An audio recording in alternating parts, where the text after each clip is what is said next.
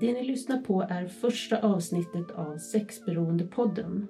Och vi som gör den här podden har själva erfarenhet av sexberoende på olika sätt. Jag heter Lotta och är anhörig till en sexberoende. I det här avsnittet ska ni få träffa Erik och Eva och höra deras historia. Erik hade lyckats tillfriskna från ett långvarigt kemiskt beroende och hade en framgångsrik beroendebehandling på entreprenad på uppdrag av olika kommuner, både i öppenvård och behandlingshem. Och han hade ett bra liv med sambo och barn. Då han en dag blev påkommen med att porrsurfa på arbetsplatsen. Skammen var total.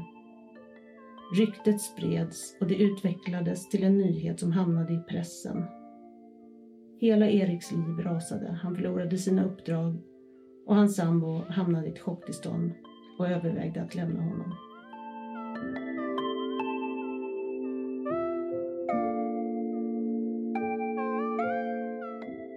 Hej Erik. Hej. Hej. Hej. Eh, hur, eh, hur var det för dig? Ja, jo absolut. Um, Ja, det var så här att um, jag hade ju en, en, bland annat då en öppenvårdsmottagning eh, och eh, eh, porrsurfade på socialtjänstens datorer. Eh, och det är klart att eh, de har ju sin, sin eh, de kollar ju datorerna lite då och då faktiskt. Och så här. Det visste ju jag, men jag förmådde inte sluta surfa på. Eh, och så att jag visste att jag skulle bli avslöjad. Men eh, jag sa till mig själv att ja, men du kommer att kunna hantera det där när det händer. Du, du kan skylla på någon annan. Du kan påstå att det är en patient. Jag hade lite olika planer för hur jag skulle förklara det här. Eh, eh, eh och komma, komma därifrån. Eh, utan att behöva ta ansvar för mina problem och så här. Så jag hade plan B, C, A och så vidare. Så när det hände så blev jag ju uppkallad till kommunledningen i den här kommunen där jag hade den här öppenvårdsmottagningen och äh, träffade kommunalchefen och socialchefen och det var en eller två jurister där. Och, så de frågade mig liksom om, om, det, om det var jag som hade gjort de här grejerna de hade liksom kollat det på, på sin logg. Alltså de, de kunde se liksom vem det var som var i tjänst när någon hade varit ute och surfat på. Så här, va? Och eh, de frågade mig om det var jag som hade gjort det och sa att eh, ja, du är ju den enda som jobbade då. Så här. Och jag bara kände när han ställde den här frågan, var det du? När kommunchefen ställde den frågan så, så bara kände jag att luften gick ur mig. Liksom det här med plan A, B och C. Jag, jag, bara kände att jag orkar inte längre. Jag orkar inte hålla alla de här bollarna i luften längre utan eh, eh, jag bara sa som det var. Ja, det är jag som har gjort det.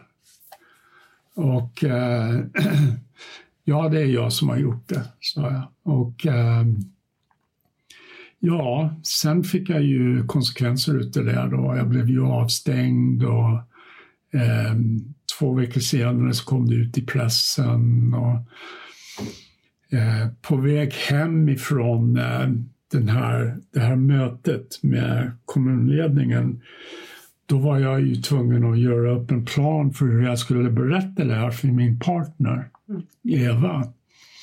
Vilket jag gjorde och det, även där bestämde jag mig för att nej men nu är det dags att säga som det är, det är bara att lägga korten på bordet. Det kändes faktiskt mitt i all ångest och så här så kändes det också som en slags befrielse faktiskt.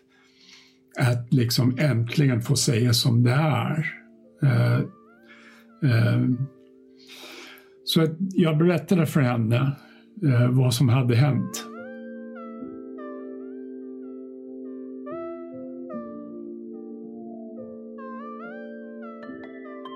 Hej Eva. Hej. Jag tänkte att du får komma in här nu och berätta mm. hur det var för dig. Du jobbade ju för, det här tillfället på ett halvvägshus. Kan du berätta lite mer om hur det drabbade dig att få reda på att din partner porrsurfade? Ja, alltså jag hade ju då ett halvvägshus för kvinnor, en form av utsluss för unga kvinnor som har, hade ett kemiskt beroende. Innan den här händelsen, när Erik blev uppkallad på det här mötet, så hade det föregåtts också av en slags katt och råtta-lek. Han gömde porr och jag hittade porr. Så det fanns ju liksom en, vad ska man säga, Spel. ett, ett spel oss emellan innan det här. Och där jag, den enda alltså, det enda sättet jag förstod, jag, jag kunde komma på var att stänga av internet hemma. Och då hade vi också lagt ner, då la jag ner det här behandlingshemmet för jag kände att det här fungerar inte. Utan jag sa upp avtalen med de kommuner jag hade avtal med och sen fortsatte jag jobba då som konsult på behandlingshem. Men eh, jag, på något sätt trodde väl jag att i och med att internet inte fanns tillgängligt hemma, för vi jobbar ju också hemifrån då, då skulle det sluta. Då skulle det upphöra ungefär. Va? Och det gjorde det inte, utan det som hände då det var att jag började surfa på, på socialtjänstens datorer på arbetsplatsen istället. Det var det som var resultatet av att stänga av internetuppkopplingen hemma. Så det här kom inte som en chock för dig egentligen när Erik kom hem och... Mm, jo, det blev chockartat ändå utifrån att jag hade ju levt också väldigt mycket förnekelse kring den här problematiken. Trots att jag hade jobbat väldigt många år med behandling och kände till det här med olika försvarsmekanismer och, och det här med förnekelse så, så gick jag ändå in i den här fällan. Att jag, jag, jag kunde liksom inte tro på riktigt att, att Erik var så sjuk. Så på det sättet ändå blev det som en chock. Att nu var det liksom uppe på bordet, nu var det offentligt. Hur var det? Eh, det, det, som jag sa så, så rätt tidigt där för min del så var jag tvungen att bestämma mig för hur jag skulle göra med det här. Och även om det var eh, liksom väldigt mycket ångest så var det, det, det, var faktiskt så att den ångesten den blev mindre tack vare att sanningen lades på bordet. Eh, den ångest som jag hade känt innan berodde väldigt mycket på att jag levde ett hemligt liv som ingen kände till, som jag inte kunde prata med någon om och som liksom förtärde mig inifrån och ut. Sådär, va? och eh, eh, följaktligen då så när jag la korten på bordet, jag var tvungen att lägga korten på bordet för jag fick ju hjälp utav, utav mina uppdragsgivare och avslöja mig frevad då. Så, så när det hände då, då upplevde jag väldigt mycket lättnad. Jag kunde inte vistas under samma tak. För ångesten blev så stor så jag bad Erik åka iväg därifrån, vilket han också gjorde och var borta ungefär en månad. Och under den tiden så jag hade alltså två personer jag kunde prata med, lite grann sådär ändå. Det var en kvinna och en man. Och sen hade jag det här konsultuppdraget på behandlingshemmet. Jag också liksom hade ett sammanhang kvar. Så jag var inte helt och hållet liksom utlämnad. Och eh, jag gick också in i otrolig skam. Framför allt på den här, den här staden vi bodde, där vi också var kända behandlare. Och, och jag kommer ihåg hur, hur jag liksom vacklade. Ska jag, jag är ju nykter alkoholist. Kanske ska supa till. Eller ska kanske bara, ska bara knarka. Det var helt alltså, irrationella tankar. Mm. Eller ska jag ta in på, på psyket? Jag kanske gör det. Då får jag massa piller, då slipper jag känna. Men jag gjorde inte det utan jag pratade med de här två personerna och jag åkte upp och jobbade på det här behandlingshemmet. Det räddade mig på något sätt. Va? Och sen när Erik då kom hem efter en månad då åkte jag iväg utomlands och var borta några veckor för att liksom komma till rätta med att komma bort ifrån den miljön. Och där satt jag, alltså, jag var inne i Grekland, då satt jag där nere på en balkong och jag skrev och jag skrev och jag skrev och jag skrev. Jag skrev hatbrev till Erik. Jag skrev uppredningsbrev till mig själv. För och nackdelar. Vad ska jag göra? Så gick jag upp till ett kapell som jag hade precis på ett berg ovanför det här, den här balkongen. Varje dag, varje dag. Och ja ja. Och till slut så kom jag fram till då att och det var precis innan jag skulle åka hem då, att jag, den här personen, Erik, han är min bästa vän. Och jag vill honom det allra bästa i livet. Han är också min bror. Som jag hade saknat hela mitt liv på något sätt. Att Erik är också min bror. Men att jag kände inte att jag skulle våga ha någon form av kärleksrelation på det sättet. Utan det kom jag hem med och då kom jag hem och pratade med Erik om det och precis som jag kände. Så alltså här är det Erik. Att du, jag älskar dig som min bror och som bästa vän men jag kan inte ha en kärleksrelation.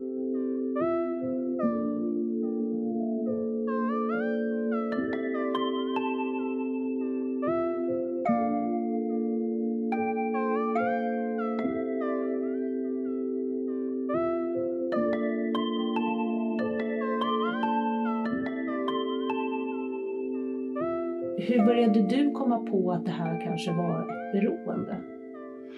Alltså jag visste ju någonstans att det här beteendet var ett beroende från, alltså innan avslöjandet. Därför att jag förmådde inte sluta. Alltså jag försökte verkligen att lägga av och ehm, så att säga inte gå ut på nätet och säga men jag klarar inte av det. Alltså, så att jag förstod någonstans att det här är tvångsmässigt och det liknade väldigt mycket det som hände mig eh, när det gäller min kropp och, och, min hjärna och så här. När jag var hög på porr så var det ungefär samma känsla som när man tar kokain eller amfetamin som var min huvuddrog ett tag.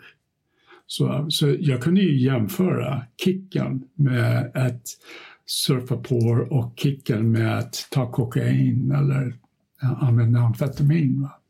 Men fick, kunde du få någon hjälp? Nej, nej, det fanns ju inte. Det här var ju länge sedan. Det fanns ju ingenting. Hur såg det ut då? Eh, då var det ju jag vill bara knyta an till det som Eva berättade här. Hon åkte ju iväg till Danmark. Jag åkte till en kompis i Stockholm. Och så satte jag mig där och så gick jag och gick och gick och gick på tolvstegsmöten och gick och gick. Jag gick genom hela Stockholm. Jag gick fram och tillbaka och hit och dit. Och var i ren och skär ångest över det jag hade ställt till med. Och eh, försökte under en månads tid eh, Eh, kommer till, till underfund med vad det är som händer med mitt liv och hur ska det bli nu och vad, vad ska jag göra liksom. Och, så, här. Och, så att när Eva kom tillbaka från sin resa då hade jag just kommit tillbaka från Stockholm och var jag hade fått en, eh, en arbetsbok om eh, hur man tillfrisknar ifrån kokainberoende. Så. Så att jag tog den boken och varje gång det stod någonting om kokain så satte jag dit sex. Så här, va? Och det fanns en del verktyg i den boken som jag började använda för mig själv.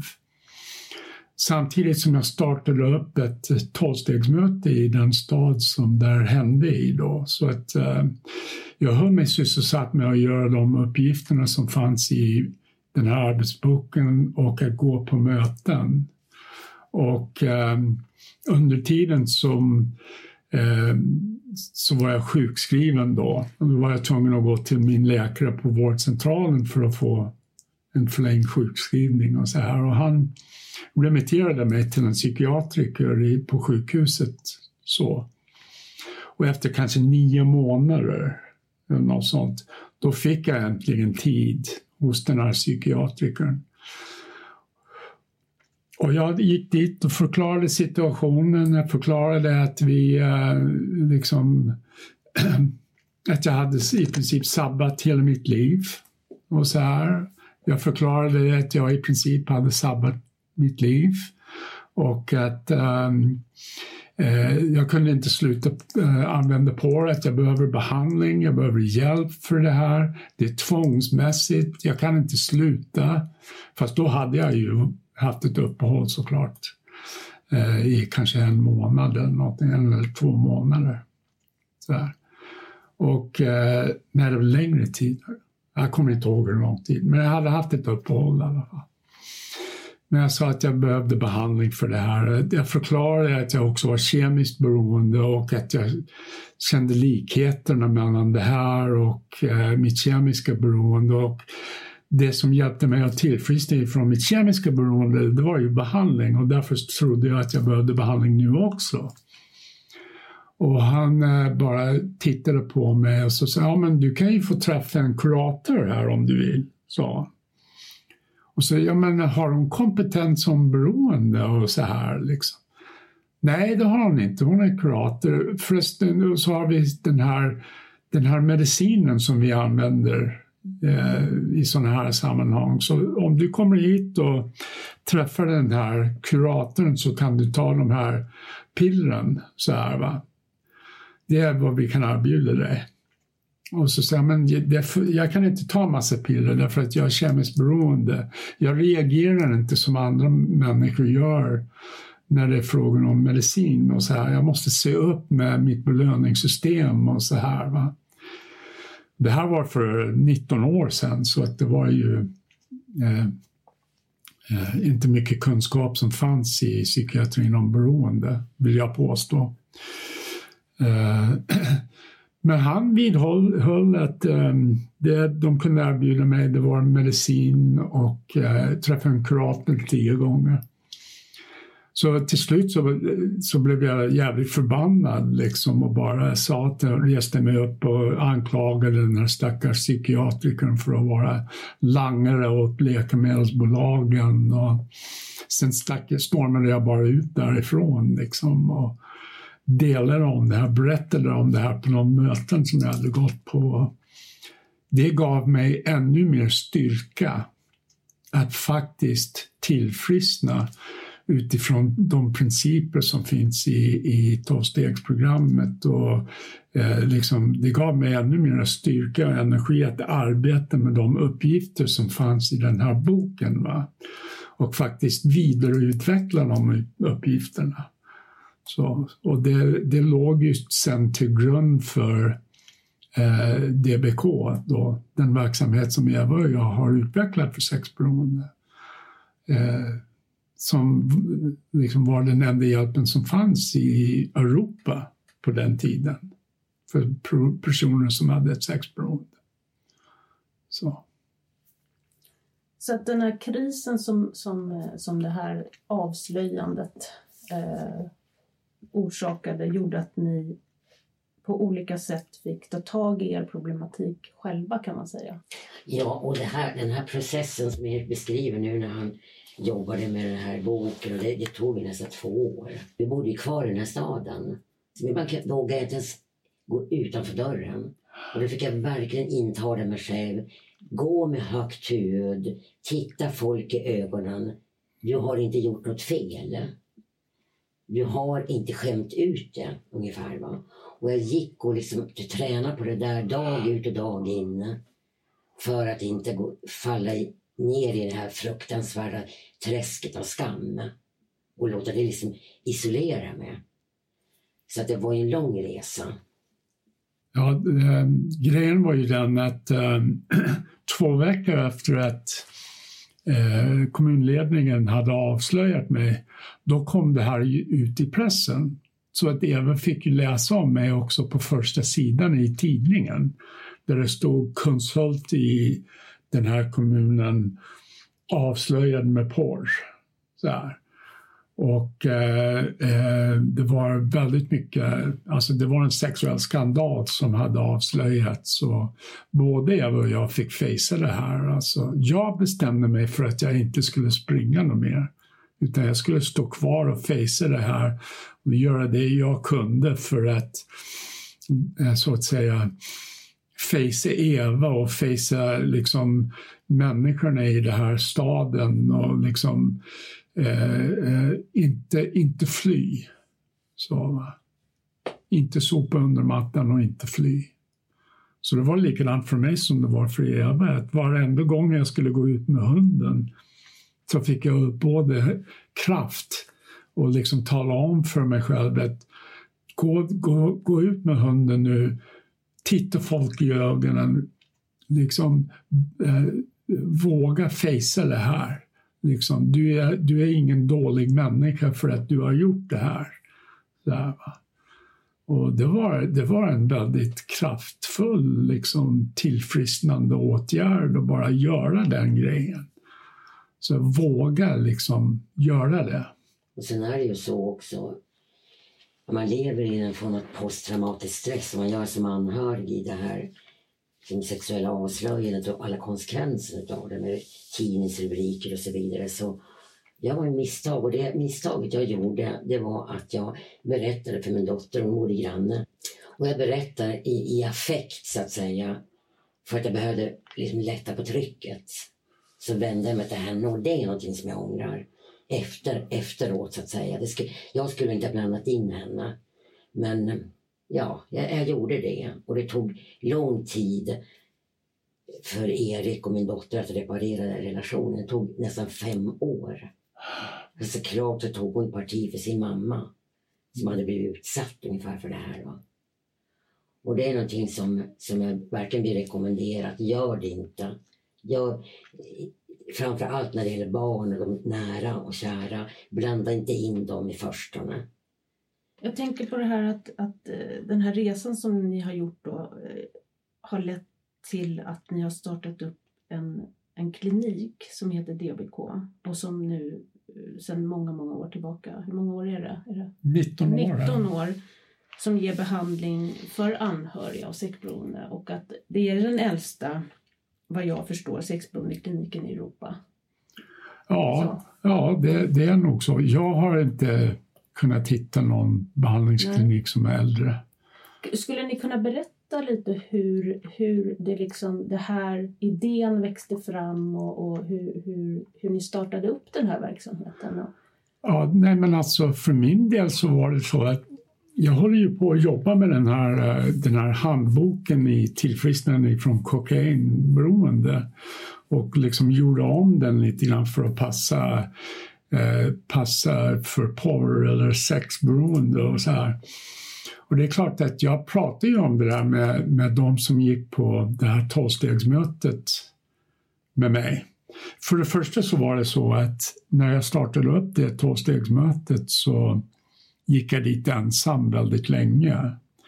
Jag tror det var nästan ett år innan det dök upp en till person. Sen efter det dök det upp en till och en till. Till slut så var vi ett litet gäng på, som gick på det här mötet och det var väldigt intimt och vi hade väldigt mycket gemenskap och så här. Va? Och känslan av tillhörighet och så här. Och eh, Eh, jag, så jag liksom delade om, eller berättade om de här verktygen som jag jobbade med och så var det en del som ville ha de verktygen så jag gav ju dem, dem ja men pröva det här och pröva det här. Och, och till slut så hade jag ett litet program för det här.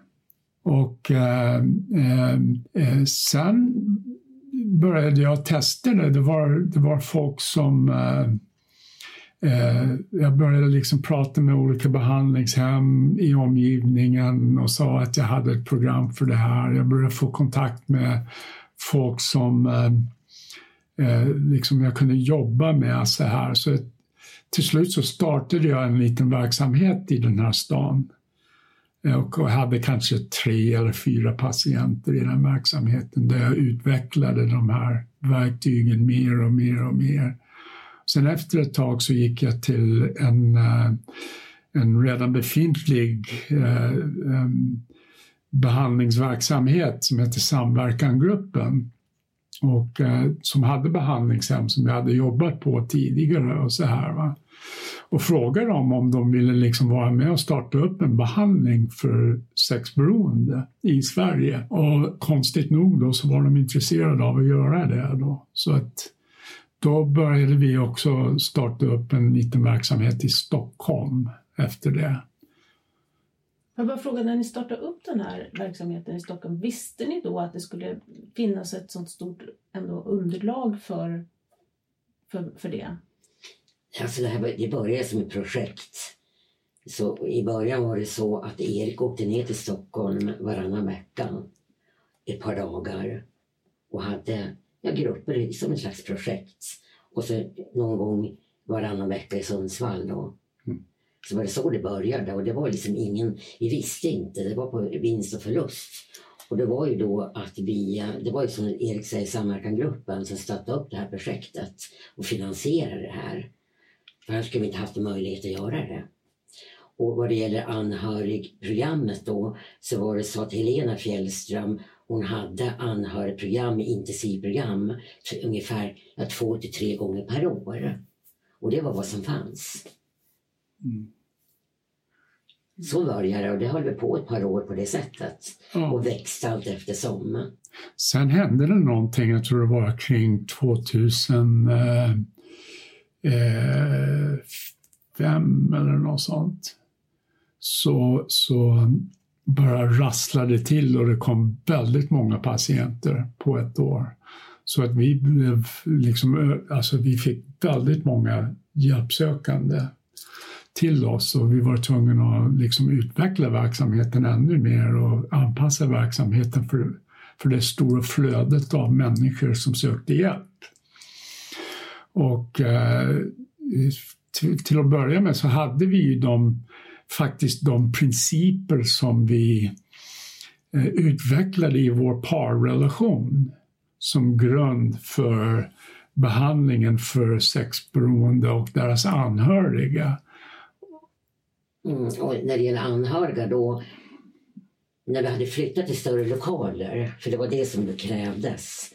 Vi var inhyst i en liten lokal före det, när vi hade de här lite små grupperna.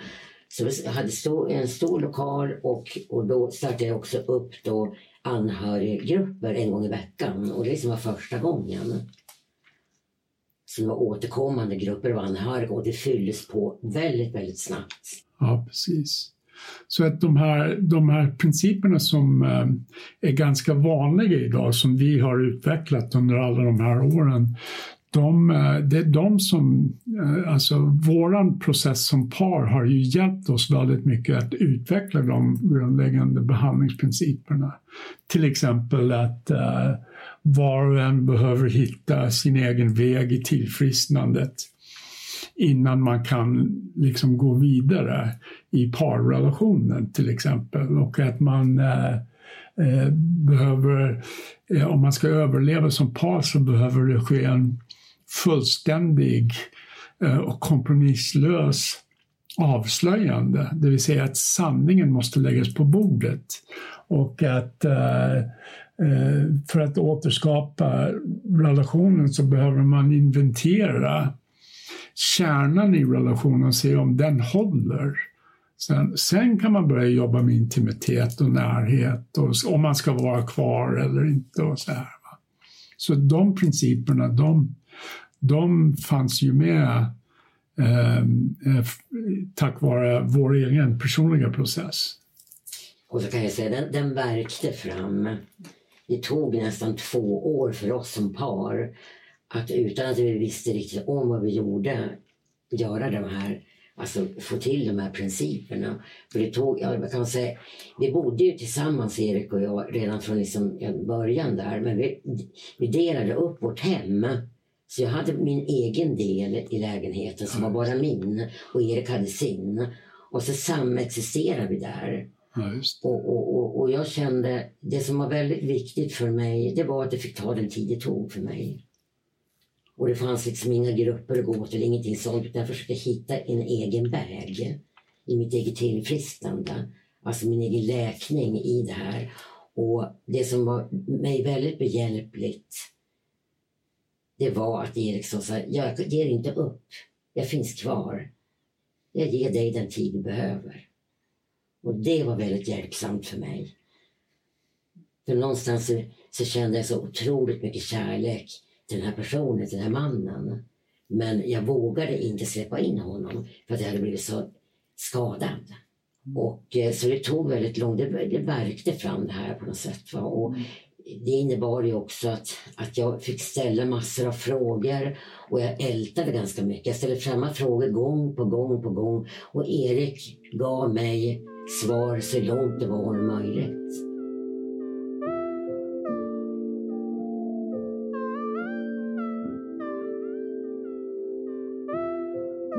Det finns ju mycket fördomar i, om sexberoende. Mm. Kan ni säga någonting om det? Fördomar ni har mött? Och klienter som, som, ni, som, som kommer till DBK, vad är det för människor? Jag, jag förstår att um, det är väldigt många människor som tror att eh, sexberoende är samma sak som pedofili eller att det handlar om våldtäktsmän eller så. Va? Det är väl ganska vanligt, men så är inte min erfarenhet överhuvudtaget. För det första så är det så att pedofiler söker inte hjälp, utan de tror, de tror liksom, de, har ju en läggning att eh, tända sexuellt på barn och så här. Va? Och eh, de söker inte hjälp. Eh, för det andra så är det så att de allra, allra flesta som sexberoende människor som jag har mött, och då är det frågan om över 6 800 patienter som har som har eh, eh, liksom gjort behandling här på DBK under årens lopp. Det är människor som har ett socialt liv och som har ett arbete eh, och som, eh, so, som har ett socialt nätverk och eh, eh, fungerar i samhället och desto mer katastrof då eh, när det avslöjas att de är sexberoende. De har haft ett hemligt liv som har på ett eller annat sätt kommit fram i dagen va? och mår väldigt dåliga eh, när de söker hjälp och deras partner mår också väldigt dåliga. Och den fördom som, som jag stött, stött på ganska mycket hos anhöriga det är initialt att ja, men jag är inte en sån svag person det, alltså att vara anhörig och traumatiserad med sexberoende är svaga individer. Och så är det inte tvärtom. Det är ytterst kompetenta människor. Väldigt hö, ofta högpresterande, väldigt intelligenta och väldigt alltså, kärleksfulla individer. Och det är viktigt, alltså, viktigt att säga till de anhöriga, träffa på andra anhöriga för att se vilka det är som söker hjälp egentligen. Och då vänds den här fördomen till någonting som oj, här kan ingå. Ja, jag, jag vet inte hur många gånger jag sagt till anhöriga så här att um, det finns, det, det, det, spelar ingen roll, du, du, du har, inte, det finns, har inte funnits någonting som du hade kunnat göra annorlunda som hade gjort att den här situationen aldrig hade uppstått. Därför att det handlar inte om dig. Det är inte du som är problemet, det är din partner som har problemet, inte du. Så, och um, se hur, de, hur svårt en del har att liksom köpa, köpa det och ta in det. Liksom. Väldigt många tar på sig ansvaret. Men det är också ändå viktigt att det är inte den anhöriges fel. Men man är drabbad, man är involverad. Och det innebär ju så också då att man själv behöver hjälp. Väldigt mycket hjälp för att kunna läka. Mm. Och, och, det har jag förstått utifrån min egen erfarenhet, för det fanns inte den möjligheten för mig. Hur mycket alltså, smidigare, hur mycket, och också snabbare jag skulle kunna fått den möjligheten att i gemenskap med andra i liknande situationer kunna få läka. Ja, precis. Så det, man behöver verkligen det som anhörig. Ja. Det räcker inte om den sexberoende går in i behandling. Sen är det också hela den här grejen som när, när vi eh, hade det som vi hade det hemma då när Eva hade sitt eh, rum och jag hade mitt rum. Och eh, då, då såg jag liksom vilken skada jag hade åsamkat henne. Hon fick ju förändra hela sin, sitt liv på grund av det jag hade gjort. Så här, va? Och vår relation skulle aldrig vara likadan igen. Eh, och vi var tvungna att begrava den, den gamla relationen för att den byggde på hemligheter och den byggde på lögner. Så vi var tvungna att begrava det. Och jag, jag hade också en väldigt akut upplevelse av hur orättvist det var. Att mitt problem, det jag hade gjort, skulle påverka den som jag älskar mest av allt i livet eh, på det här negativa och destruktiva sättet. Så här, va? Och hur, hur, vilken orättvisa det, fanns för, det finns för anhöriga. Att de tvingas att hantera det här fast de har inte bett om det. Det är ingenting som, som Eva eller någon annan anhörig har bett om. Så här, va? Men de är tvungna att hantera det. Hur kommer det sig att man utvecklar ett sexberoende? Jag tror inte det fungerar så att man vaknar på dagen, på morgonen och tänker gud vilken fin dag jag är, att jag ska se till att sabba Evas liv idag. Liksom. Det var inte riktigt så det gick till. Va? Utan utveckling av eh, vilket beroende som helst, inklusive sexberoende, handlar ju om att göra väldigt små men väldigt allvarliga och viktiga val. Och till slut så ger man bort sin, sin förmåga att bestämma över de här specifika beteenden som man ägnar sig åt. Man ger upp det liksom i jakten på den här kicken. Eh, så det handlar ju om hjärnan och hjärnans belöningssystem och dopaminutsöndring och eh, tillvänjning och sådana saker. Så. Så det är egentligen som vilket beroende som helst? Att, ja, absolut. Att man flyr från, genom att uh, använda en drog så flyr man från någonting ja. som är ohanterligt i livet. Ja, precis. Mm. Så är det ju. Jag menar, eh, det finns hur mycket statistik som helst som visar på att eh, sexberoende kommer ifrån specifika miljöer som, som handlar om eh, eh, och har varit utsatt för olika typer av trauman. Och så här. Är det något mer som ni vill säga, berätta om, utifrån er historia nu? Ja, det, det jag skulle vilja säga jag är ju och också har varit anhörig till alkoholister och narkomaner tidigare. Men ingenting har gjort så ont som att vara en anhörig till sexberoende. Och det tror jag är skillnaden många gånger. Att det liksom drabbar en som anhörig på ett djupt innerligt plan. På ett sånt djupt personligt plan. Att bli bortvald. Oavsett om det som i vårat fall så handlar det om pornografi. Men det kan också handla om otrohet och så vidare. Att bli bortvald. För, för jag menar, sexualiteten det är ju en del av personligheten. Visst, det är smärtsamt kanske att leva såklart med en alkoholism men det är mer uppenbart att en flaska man häller in H2O2 eller vad det heter, rakt in i hjärnan, framifrån och bak och uppifrån och ner. Det blir liksom mera alltså, förklarligt att det här är en kemisk hjärna. Medan det här med sexberoende, det blir, känns som ett otroligt svek. Och är det för fel på mig? Det är en fråga som, som drabbar i stort sett alla anhöriga. Vad, vad är det för fel på mig? Varför duger inte jag? Varför räcker inte jag till? Och det behöver man få hjälp att bearbeta.